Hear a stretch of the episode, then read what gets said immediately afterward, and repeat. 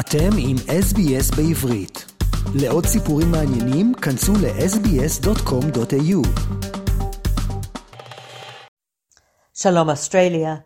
Last Sunday at 11am, millions joined the call for 100 minutes of awareness for the 100 days the 132 hostages have been held in Gaza. Gatherings took the form of silent vigils, protests, marches, creating art installations, or Torah learning. Hundreds of shops, restaurants, and cafes came to a standstill, observing the 100 minute labour strike in solidarity with the families.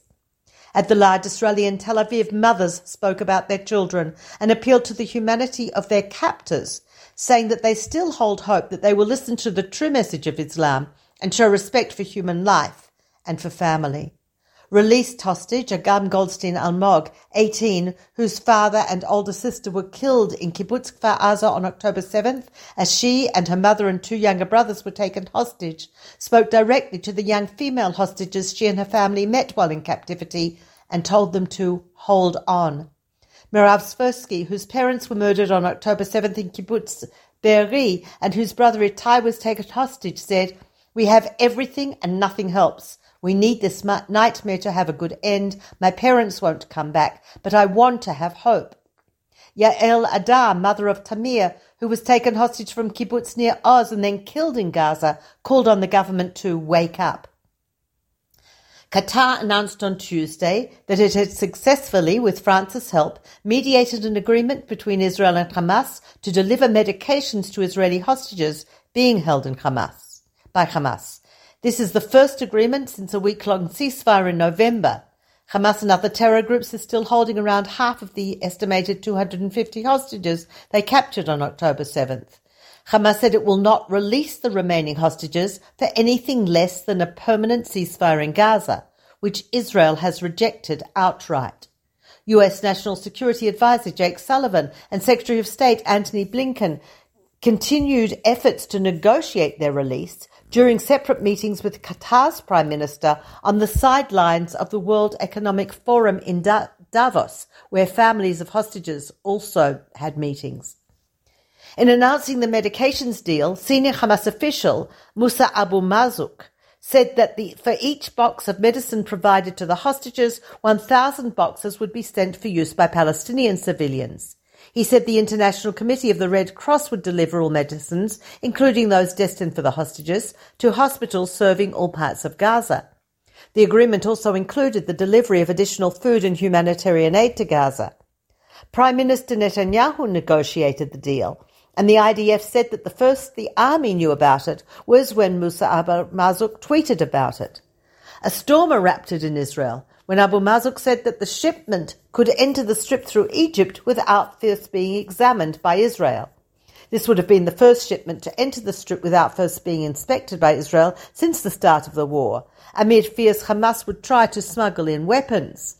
The Prime Minister denied that he'd given the go ahead to exempt the shipment from security checks. He ordered the IDF to check the, check the equipment and arrangements were hastily made so that the five trucks carrying the medicines would undergo a security check at the Kerem Shalom crossing before entering Gaza.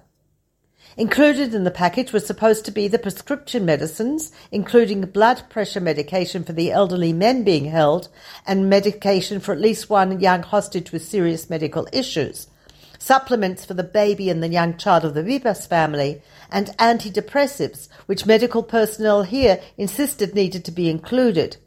Israel and the families of the hostages in particular have no way of knowing if the medications have or will actually reach the hostages. Qatar confirmed that the medicine and aid entered the Gaza Strip and added that mediation is continuing at the political and humanitarian levels. Hezbollah has increased its activity in the north. Last Sunday, Barak Ayalon was killed and his mother badly injured when a rocket hit their home in Kfar Yuval. Opposition MK Lieberman said that the government is derelict in allowing Hezbollah to determine the pace and intensity of the battle in the north instead of acting preemptively and decisively.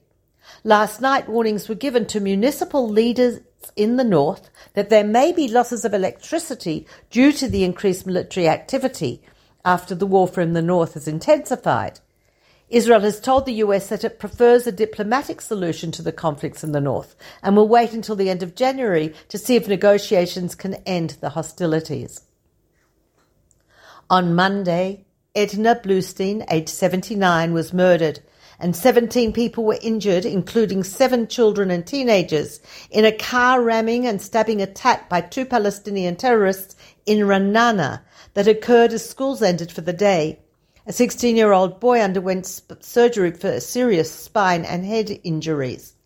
The perpetrators were Ahmed Zidad, 25, and Mahmoud Zidad, 44, residents of the town of Bani Naim near Hebron. Both had been blacklisted for entering Israel illegally numerous times in the past.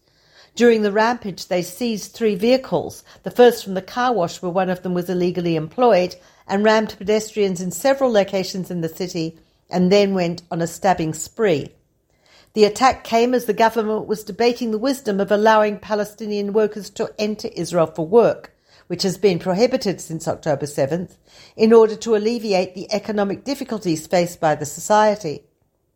Former Justice Minister Gideon Saar, a minister without portfolio in the current emergency coalition, rejected the idea, saying letting workers from the territory of an enemy population into Israel during a war is a terrible mistake that will cost blood.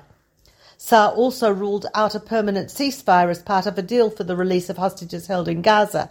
He has joined the camp of Defence Minister Gallant, who believes there's no alternative but military pressure.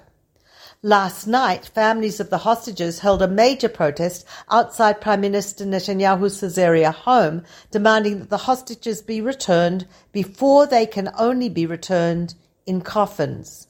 The numbers who are claiming that the military offensive is not providing a solution are growing. On Thursday, War Cabinet Minister Gadi Eisenkot, who has lost his son and his nephew fighting in Gaza, suggested in an interview that talks of a complete victory over Hamas is unrealistic and implied that it was unlikely to lead to the safe return of the hostages. He also contradicted the Prime Minister by saying that elections should be held before the end of the war if necessary. Last night there were protests in Jerusalem, Tel Aviv, and Haifa demanding immediate elections. Yesterday, on Shabbat, Prime Minister Benjamin Netanyahu's office released a statement saying that Israel must remain in full security control of the Gaza Strip to ensure that Gaza will no longer pose a threat to Israel, and this conflicts with demands for, Pal- for Palestinian sovereignty. He was responding to comments by American President Biden that Netanyahu has not ruled out a two state solution after the war.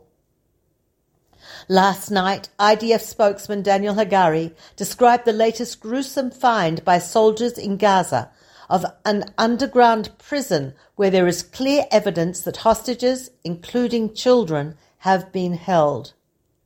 Kfir Bibas, the youngest hostage to be taken hostage when Hamas attacked Israel, turned one in captivity on Thursday.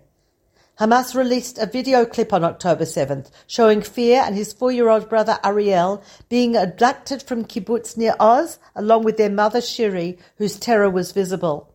Their father Yarden Bibas was also abducted.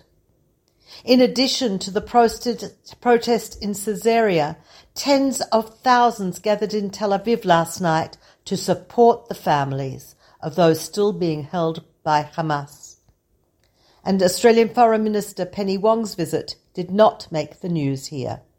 This is Peta Jones Pellach reporting for SBS Radio from Jerusalem.